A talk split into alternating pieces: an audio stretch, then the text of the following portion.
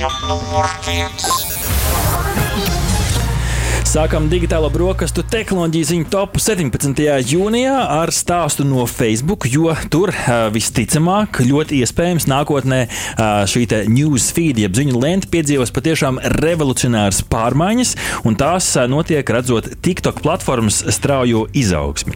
Portāla The Verge rokās nonāca iekšēji izsūtīts ziņojums darbiniekiem, kur meta vadības komanda un tās atbildīgais par Facebook sadaļu tieši Toms Alisons skaidroja vēlamās izmaiņas. Un, Tas bija norakstots aptuveni šādi. Tā vietā, lai par prioritāti izvirzītu ierakstus no profiliem, tātad, piemēram, no cilvēkiem, kā līdz šim, tad Facebook galvenā ziņu lenta strādās līdzīgi kā TikTok, kas sāks rekomendēt ierakstus neatkarīgi no kurienes tie nākuši. Un šī patiesībā ir revolūcija, ja mēs paskatāmies to, ko Zukerbergs stāstīja pirms pāris gadiem, vairāk mūsu draugu saturu, vairāk mūsu ģimeņu saturu, tad laikam uz to tas nenes tik liels rezultāts, kā gribētos.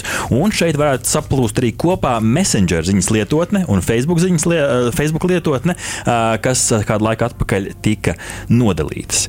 Nu, kā tas praktiski strādās? Nu, kā viņi to ir uzbūruši kaut kādos arī skaidrojumos portālam The Verge, tad būs viena galvenā, šī galvenais ziņu plūsmas avots, vairāk gan skatoties uz telefonu lietotni, kur saplūdīs kopā stories un reels ieraksti no Instagram platformas, un viņu Discover Engine, jeb jaunais algoritms, ieteiks saturu gan no Facebook, gan no Instagram, kas patiesībā izklausās, ka trīs lietotnes saplūdīs atpakaļ kopā Facebook, Instagram un Messenger. Nu, tāda interesanta nākotne Facebookā. Jā, un interesanti droši vien, ka aktīvākie Instagram lietotāji būs jau pam, šādu pieeju pamanījuši. Jā, jā platforma jau iesaka. Patiesībā kaitinoši. Jā, nu iesaka tātad saturu no citiem lietotājiem, kuriem es nesekoju. Jā, man tas arī nedaudz, nedaudz Bet traucē. Labi. Bet, nu, labi. Un, nu, šobrīd, pēc mēģinājuma sniegtās informācijas portālam The Verge, tikai 11% no satura Facebook ziņu lentā mm. ir no profiliem, kam cilvēks neseko. Mm -hmm. Es gan esmu nedaudz pārsteigts. Man liekas, ka es maskam sekoju video sadaļā, bet man es redzu ļoti daudz ko. Bet, nu, tas ir interesanti. Bet katrā ziņā, ja mēs runājam par TikTok, tad, protams, tā popularitāte ir augsta un ļoti iespējams, ka nu, tieši tāpēc arī, tieši tāpēc arī Facebook vai jeb meta šis te visa mm -hmm. ģimene jā, ar sociālajiem tīkliem vēlas tuvināties tam, jo nu, šī gada pirmajos trīs mēnešos iPhone lietotāji pavadījuši par 78% vairāk laika TikTok nekā Facebook. Nu, tas nu, ir tikai akcionāri klauvē pie durvīm un saka, kāpēc tādi rezultāti, nu, ko tu dari, tu sāc mainīt savas pamatvērtības, mm. un tas varētu notikt arī ar Facebook. Ziņa numur divi. Xbox prezentēs tā turpmākajos 12 mēnešos gaidāmo video spēļu jaunumus, no dziļāk ieskata daudz gadītajā Starfield spēlē līdz pat tādām ziņām, pa, tādām spēlēm kā Overwatch 2, Diablo 4 un citām.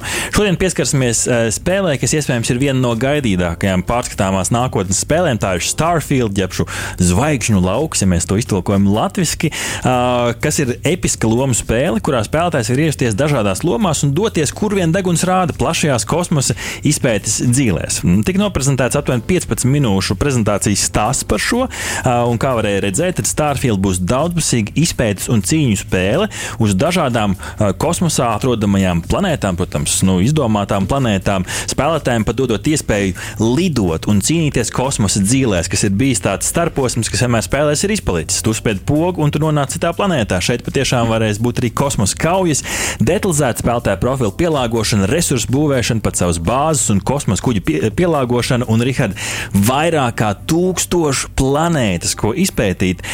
Manam prātam, šis ir neatverami. Tās plašās kosmosa dzīves, ko tur varēs izpētīt, patiešām šo varētu padarīt par līdz šim iespaidīgāko video spēli. Gribētu tā, to nokomentēt. Nu, protams, arī citas ziņas par tām varbūt šodien mazāk. Overwatch 2 debitē 4. oktobrī un būs free to play leģendārā spēle Diablo 4, ko daudz noteikti spēlējuši uz pavisam senām vecām ierīcēm. Iznāk 4. versija, būs gan uz Xbox, gan uz datoru, un tai būs crossplay funkcija. Tad varēs spēlēt savā starpā, nebūs šo platformu barjeras, forca Motorsport piedzīvos jaunu versiju versiju.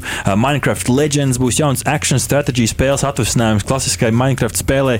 Un šīs ir tikai pāris no spēlēm, kuras patiešām uzrunās Xbox un datoru spēļu cienītājus. Rihard, kas tev interesants iekart acīs, iespējams, no Starfield? Jā, nu, pirmkārt jau tātad Diablo 4, jo es esmu arī sens šīs spēles spēlētājs, un tad būs interesanti arī pamēģināt to. Bet, protams, Starfield ir kaut kas, ko gaidīja daudzi. Mm -hmm. Un, starp citu, gaidīja divu iemeslu dēļ. Nu, viens ir, protams, pats spēle, ļoti plaša, ļoti bagātīga, noteikti un interesanta.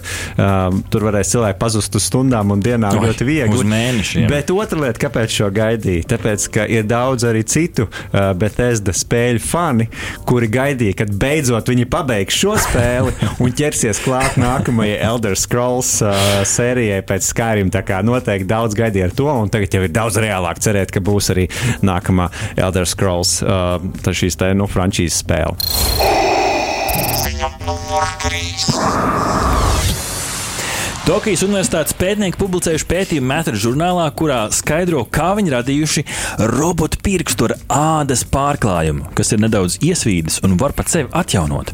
Robotu pirksts tika ieguldīts kolagēnam līdzīgā vielā kopā ar cilvēku ādas šūnām, radot tam ādai līdzīgu, ūdens noturīgu apvalku. Pēc, pie tam pirksts pēc iegriezuma ādā spēja pats atjaunoties ar, nu, protams, papildus kolagēna kārtiņas uzklāšanu no ārpuses, bet, nu, Rihard, ja kādu dienu ar mums sarunāsies dzīves robots, kas svīdīs un varēs paspiest roku kā cilvēks, tad atcerieties šo ziņu digitālajās brokastīs. Šī bija robotu revolūcija. Nu, patiešām pirksts, kā skaidro arī profesors Soji Takeuchi, izskatās pat nedaudz nosvīdis. Tas ir uh, tam dēļ, ka tam nav vēl iekšā dažādi asinsvadu un cita veida dziedzeri un sistēmas, kas ir cilvēkam. Līdz ar to tas ir jāuztur konstanti mikls, lai tā āda vienkārši nesabojājās. Uh, un, protams, tur ir daudz lietas, ko pilnveidot, lai tā ir līdzīgāka cilvēka ādai, bet zinātnē zinātnieki jau sapņo par to, kā izveidot asinsrites sistēmu, sviedru dziedzers, pat matu folikulus un nagus. Rihard, nākotnē izskatās patiešām mežonīga.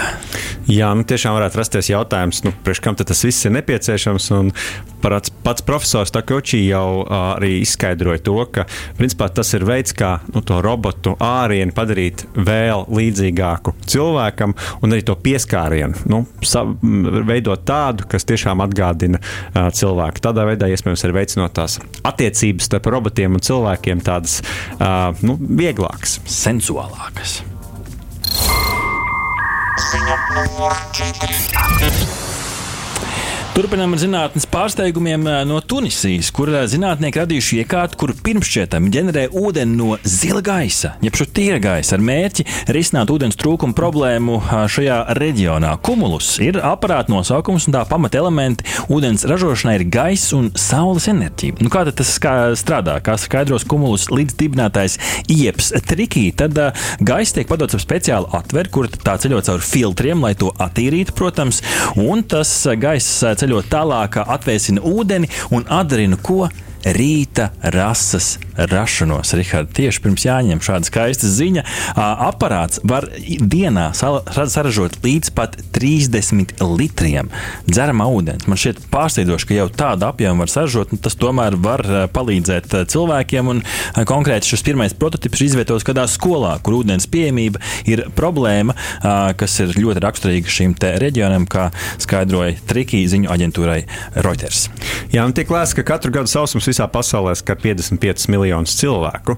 Un, uh, ir dažādi veidi, kā uh, dzeramais ūdens tiek iegūts arī no sālsūdens, piemēram. Tad šīs ir ļoti labs vēl viens veids, kā to izdarīt.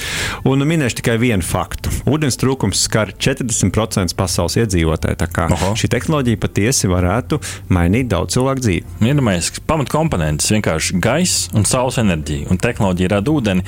Nu, man šķiet, ka šī varētu būt patiešām kāda oāze izkaltušā tuksnesī.